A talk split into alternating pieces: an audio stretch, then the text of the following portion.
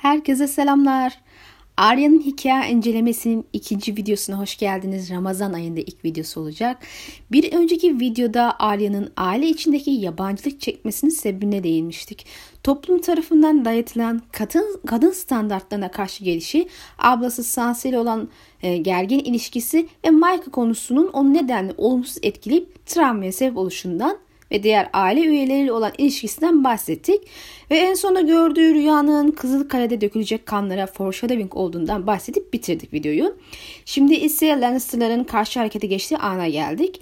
E Cersei Ned Stark'ı yakalayıp Sansa'yı esir alır ve adamlarına Arya'da yakalaması için gönderiyor. Ama Zero Forel aracı araya girince Arya tabii ki kaçmayı başarıyor.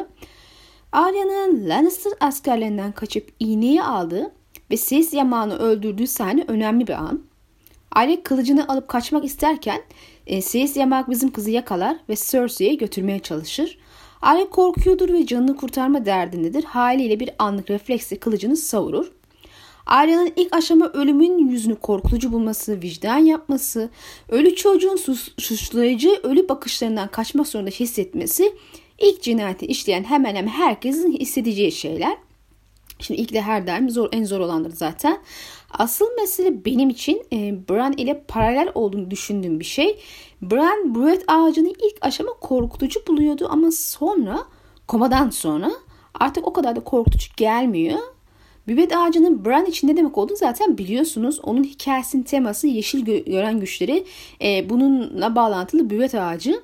E, Arya'nın da ölüm ile ilk kez ciddi anlamda yani kendi eliyle yüzleştiği anda bunu korkutucu buluyor ve elbette ki e, diğer hisler de beraberinde geliyor. E, bundan sonra ise bir daha korkutucu bulmayacak kendi eliyle e, öldürdüklerini. Hatta belki de tatlı bulacak. Yani ölüm zaten Arya'nın teması. E, diğer yandan Arya'nın aklına gelen tek şey John'dan öğrendiği ilk ve en önemli dersi burada da görüyoruz.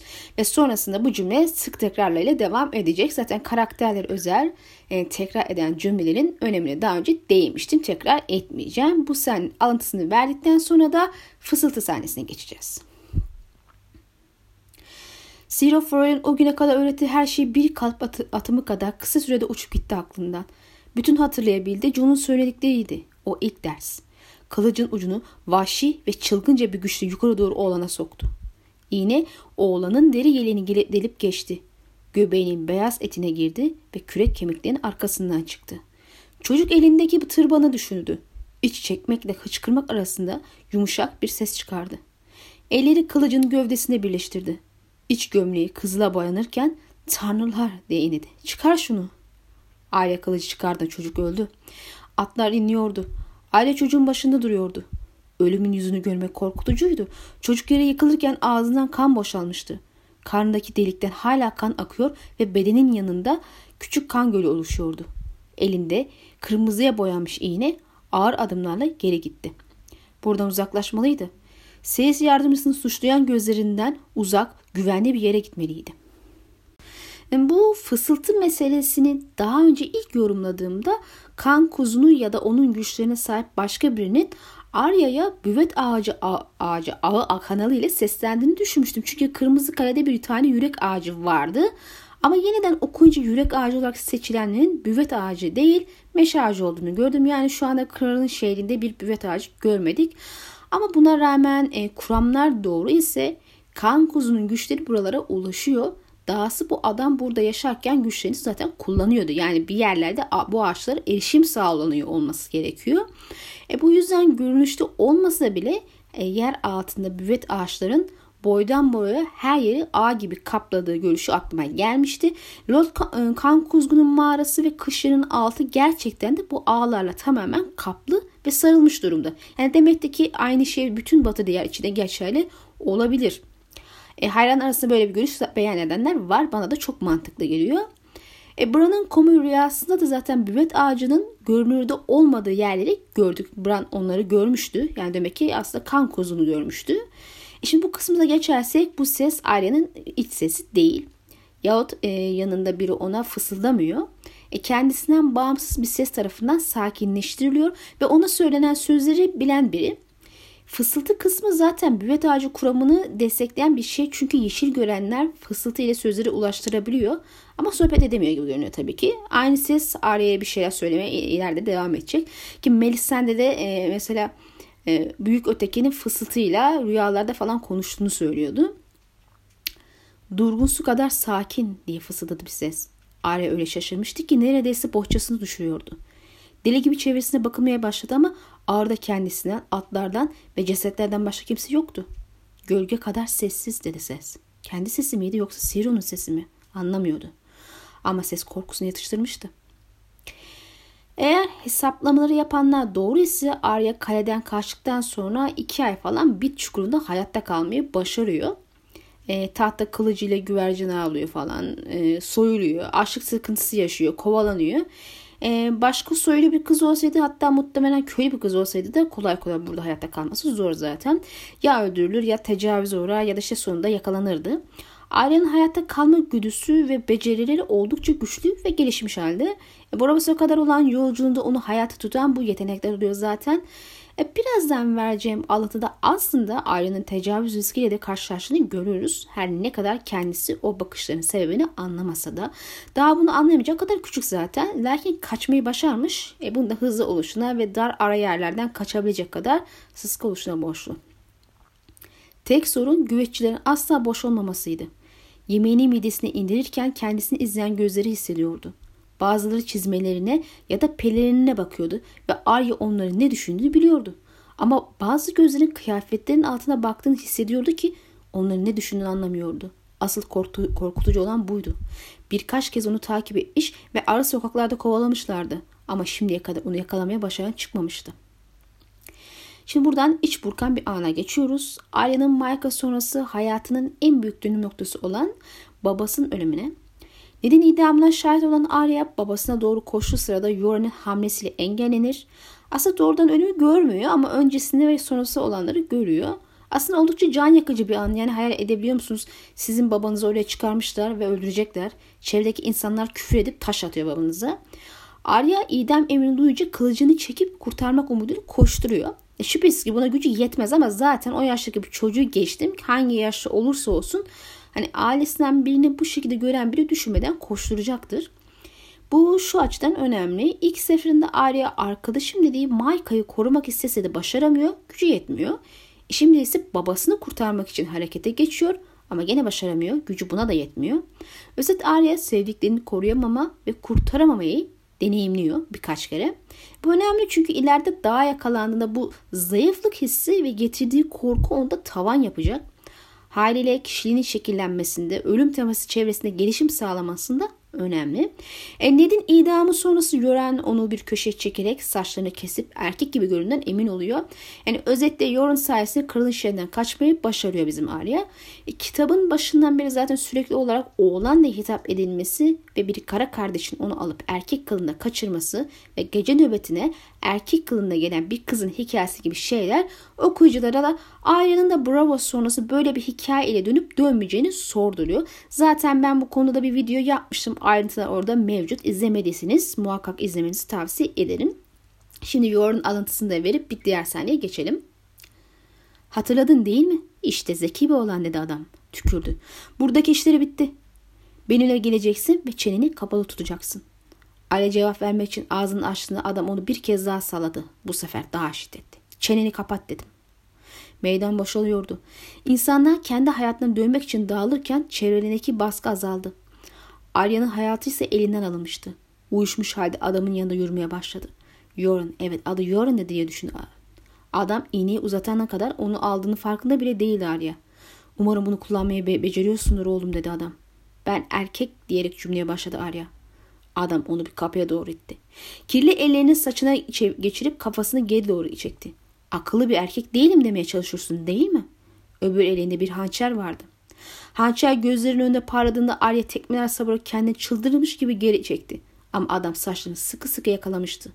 Öyle kuvvetli tutuyordu ki kafası derisin, kafa derisinin açıldığını hissetti. Dudaklarında gözyaşlarının tuzlu tadı vardı. Şimdi buradan ikinci kitaba geçiyoruz. Arya kralın şehrinden kaçarken birazdan anlatılacağım düşünceleri dile getiriyor. İlk başta eklemeyecektim aslında ama daha sonra kralın şehrinin yok olmasıyla ilgili olası yöntemleri aklıma geldiğinde ekleme kararı aldım. Çünkü okuyucular olarak kralın şehrinin ya Cersei ya Dany ya da fazla ihtimal vermediğimiz üçüncü şahıslar tarafından harap edilmesini bekliyoruz. Ayrıca da dua listesine girmiş kişilerin öyle ya da böyle öldüğü gerçeğinden yola çıkarak acaba aynı olay şehirler içine geçerli olabilir mi diye merak etmiştim. Ama şehrin yok olacağını öyle veya böyle öngördüğümüz için doğru bir çıkarım diyebiliriz sanırım. Elbette e, bu bir dua ama Sansa'nın da şehrin içinde olduğu gerçeğini hatırlayınca bu konuda dua etmeyi bırakıp kışları için dua etmeye başlıyor.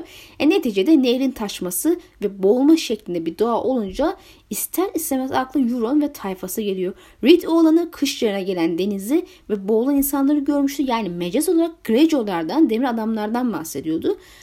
Belki kralın şehri demir adamlar tarafından harap edilir. Yani onların saldırısını görebilir bu şehir. Eğer daha önceki videolarımda anlattığım Euron Deni ittifakı olursa zaten Deni'nin isteğiyle Euron'un saldırıya geçmesi içten bile değil. Belki Deni gelmeden bile saldırabilir belli mi olur? Elbette günün sonunda muhakkak şehir çılgın ateşle patlayacak diye düşünüyorum. Çünkü Tyrion'un ikinci kitaptaki savaş hazırlık sahnelerinde bu konuda çok fazla işaret var. Hatta buna sebep olabilecek kişi ile ilgili işaretler de ikinci ve dördüncü kitapta Cersei sahnelerinde görebiliyoruz. Elbette ben Cersei'nin yazar tarafından önümüze atılmış bir yem olup olmadığını da düşünmüyor değilim. Ama bir yem için fazla işaret olduğu kanısındayım. Neyse zaten konumuz bu değil elbette alıntıyı verip geçelim hemen. Arya dönüp arkasına bakmamıştı. Nehrin yükselmesini ve bütün şehri yutmasını dilemişti. Bit çukurunu, Kızıl Kale'yi, Yüce Septi, her şeyi ve herkesi.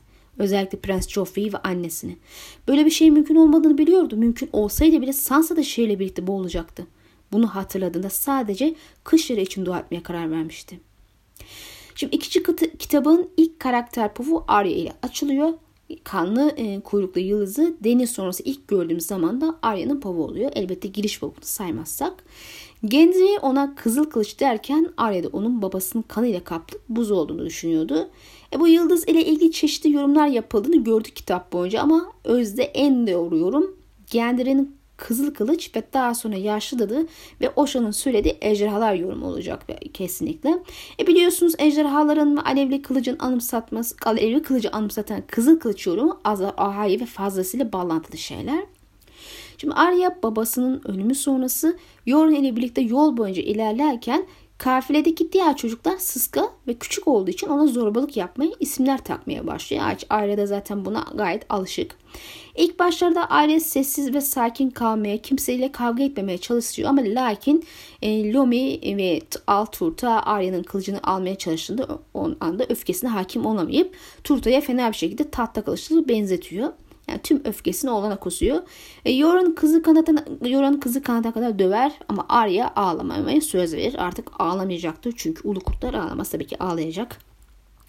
E, Yorun burada ayrıca diğer oğlanları Arya'nın erkek kardeşleri olarak da tabir ediyor ki Arya'nın aslında kız olması ve kara kardeşliğe katılabilecek biri olmaması düşünüldüğünde bu çok anlamsız bir ifade. Bu yüzden daha önce bahsettiğim Bravos dönüşü sonrası nöbete erkek kılığında katılan kız meselesine bir gönderme daha olduğu düşünülmekte. Şimdi dayak sonrası Alturta'nın yaralarının iyileşmesi zaman alıyor. Elbette o derece fena pataklamış bizim kız yani. Lomi yaralı olmasa da artık Arya'dan uzak durması gerektiğini biliyordur. İkisi de dayak sonrası Arya'ya saygı ve korku karışımı bir duyguyla yaklaşıyor ve zamanla arkadaşlar oluyorlar. E, artık Arya'nın arzu ettiği tek şey var. Eve ailesine ulaşmak. Hatta daha önce olduğu gibi ilk olarak John'un yanına gitmeyi de arzuluyor.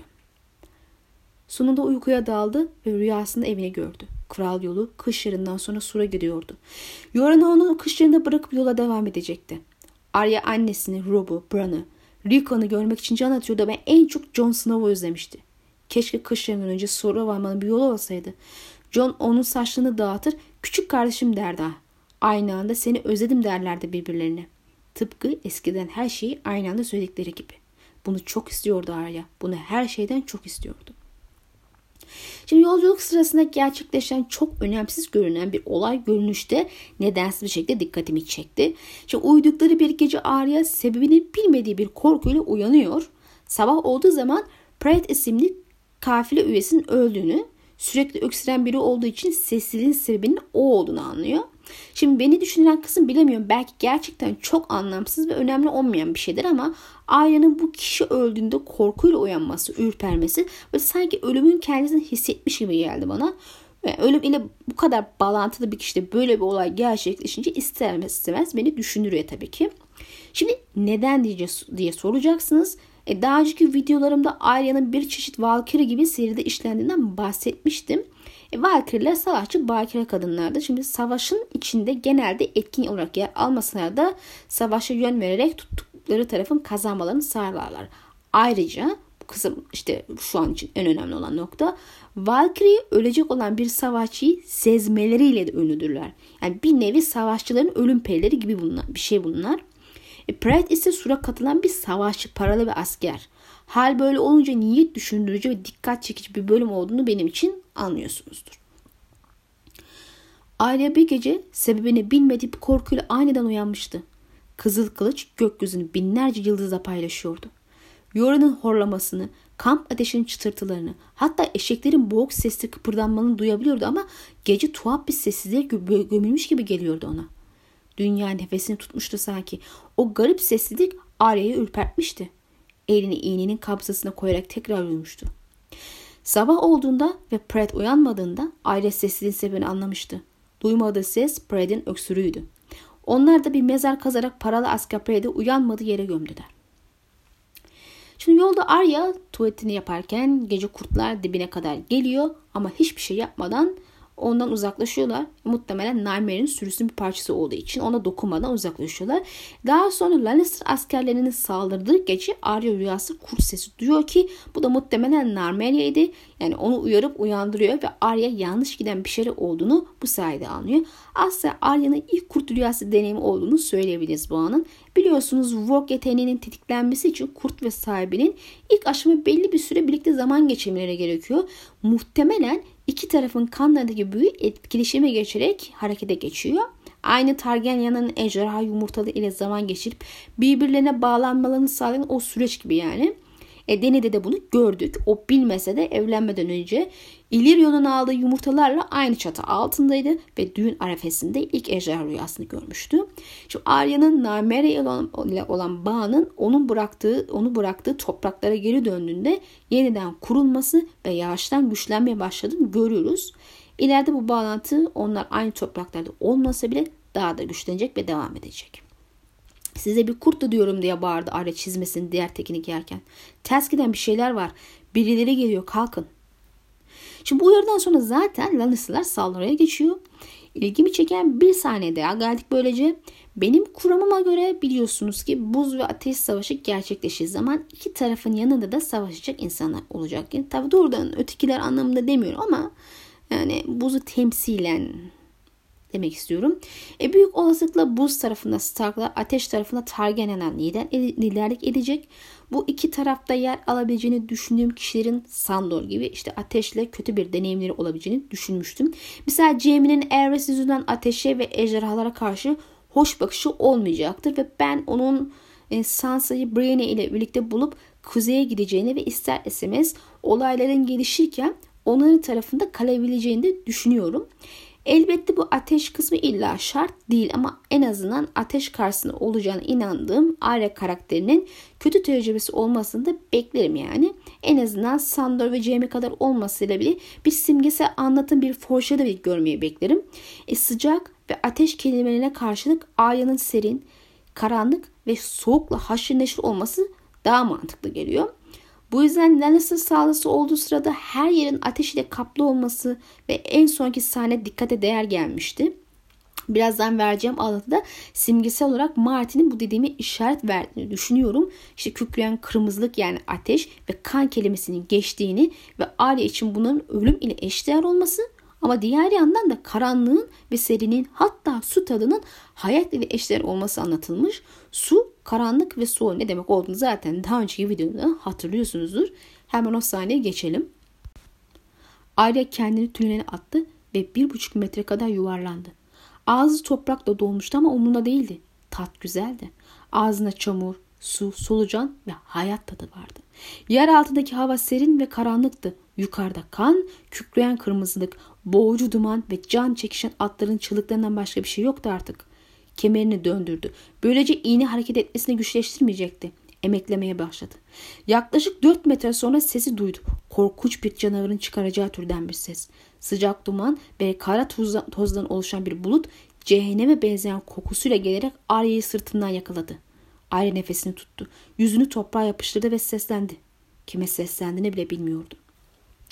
Şimdi saldırıdan karşılıktan sonra Arya'nın Tanrı gözündeki siyah kula ile ilgili düşünceleri de bir konuya e, bir işaret barındırıyor. Ama ona burada değinmeyeceğim çünkü bu konu için ayrı bir video hazırlayacağım. Tekrar düşmek istemiyorum ama bunun haberini şimdiden vermiş olayım.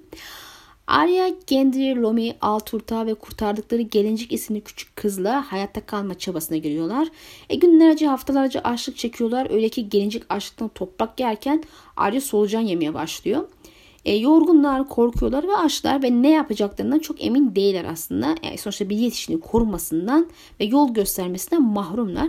Gerçi yetişkine yakın sayılacak John yaşlarında Gendry var ama o da öyle çok eğil bir olan değil nitekim.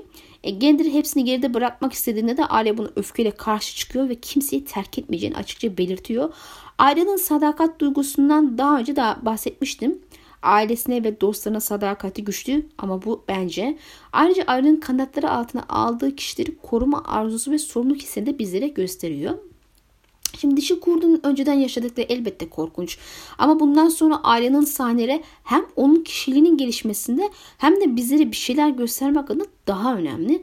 Aslında bazı okuyucular için bu Nehir Toprakları sahneleri sıkıcıymış. Böyle yorumlar gördüm. Bu biraz rahatsız edici çünkü bu sahnelerin bize anlattığı şeyler tam bir hayat dersiydi.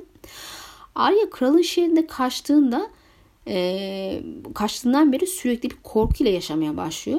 Şimdi babasının ölümünü ve sonrası ailesini korumasından uzakta hayatta kalmaya ve kendi kimliğini gizleyip aile olmaktan vazgeçmek zorunda kalıyor. Kovalanıyor, dövülüyor, aç kalıyor, ölüm ve tecavüz tehditleriyle yüzleşiyor. Etrafından sürekli olarak e, acımasız olaylar yaşanıyor ve bunları tecrübe ediyor bu kız. Hayatın acı gerçekleriyle çeliğin vurularak şekillenmesi gibi şekilleniyor. E şüphesiz ki böyle şeyler yaşamış bir kişinin bilhassa o kadar genç bir kişinin sağlıklı bir psikolojiye ve çok sağlıklı kara alma mekanizmasına sahip olmasını da bekleyemeyiz. Martin de söylediği gibi Arya travma geçirmiş Afrikalı çocuk askerlere benziyor.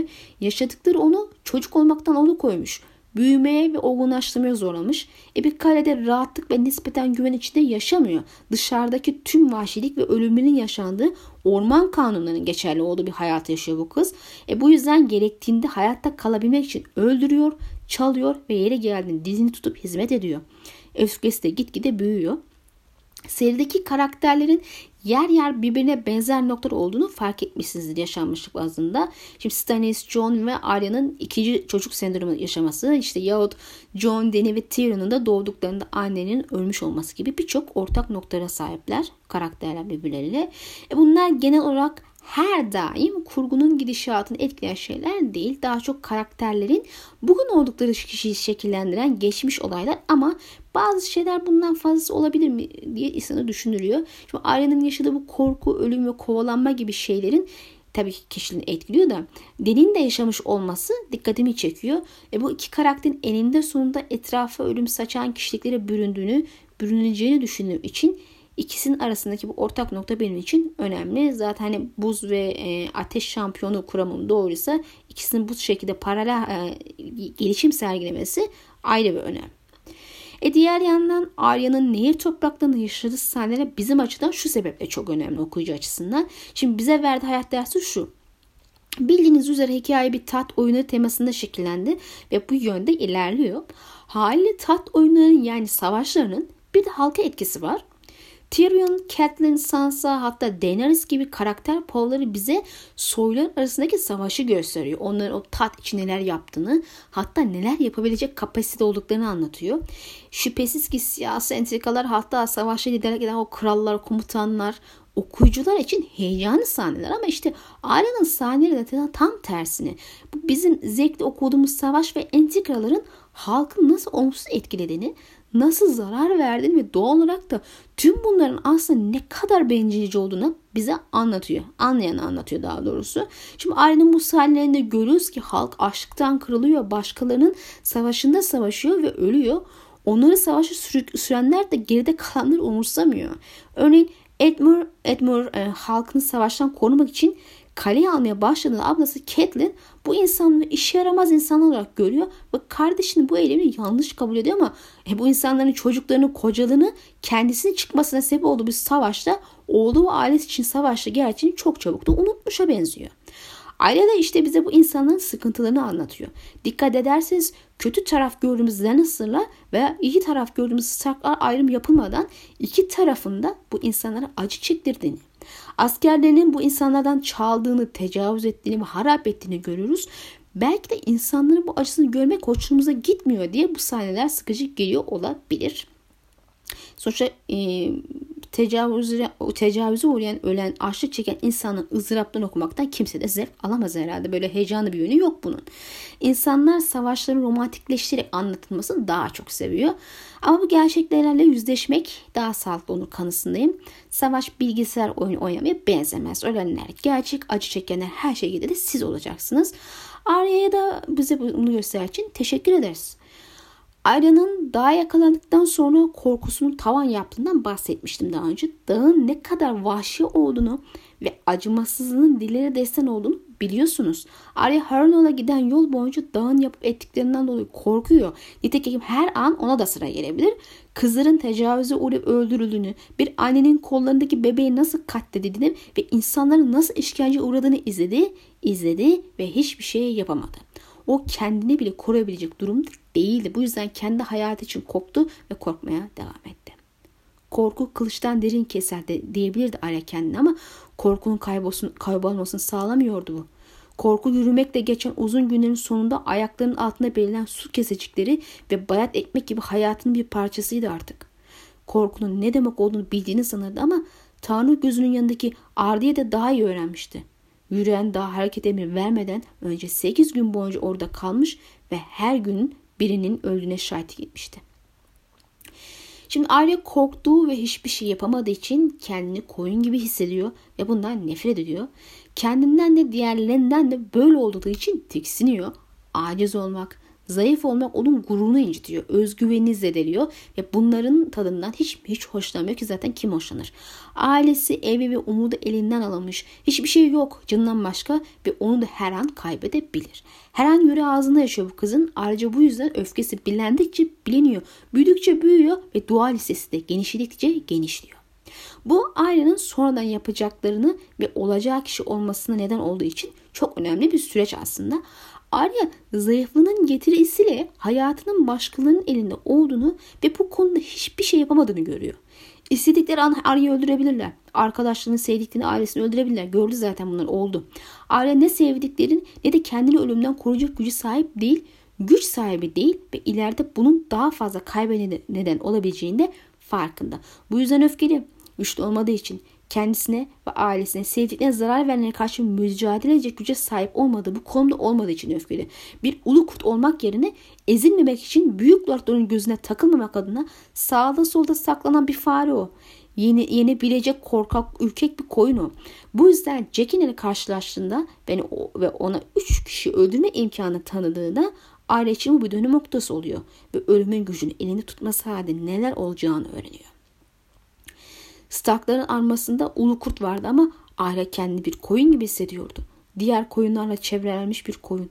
Köylülerin koyunundan en az kendisinden tiksindiği kadar nefret ediyordu. Lannister her şeyi almıştı. Baba, arkadaşlar, ev, umut, cesaret. Biri iğneyi almıştı. Diğer ahşap kılıcını dizine kırmıştı. Aptal sırrını bile almışlardı Arya'dan. Ardiye kimsenin bakmadığı zamanlarda bir köşeye gidip gizlice iç, iş, işleyecek kadar büyüktü fakat yolda durum farklıydı.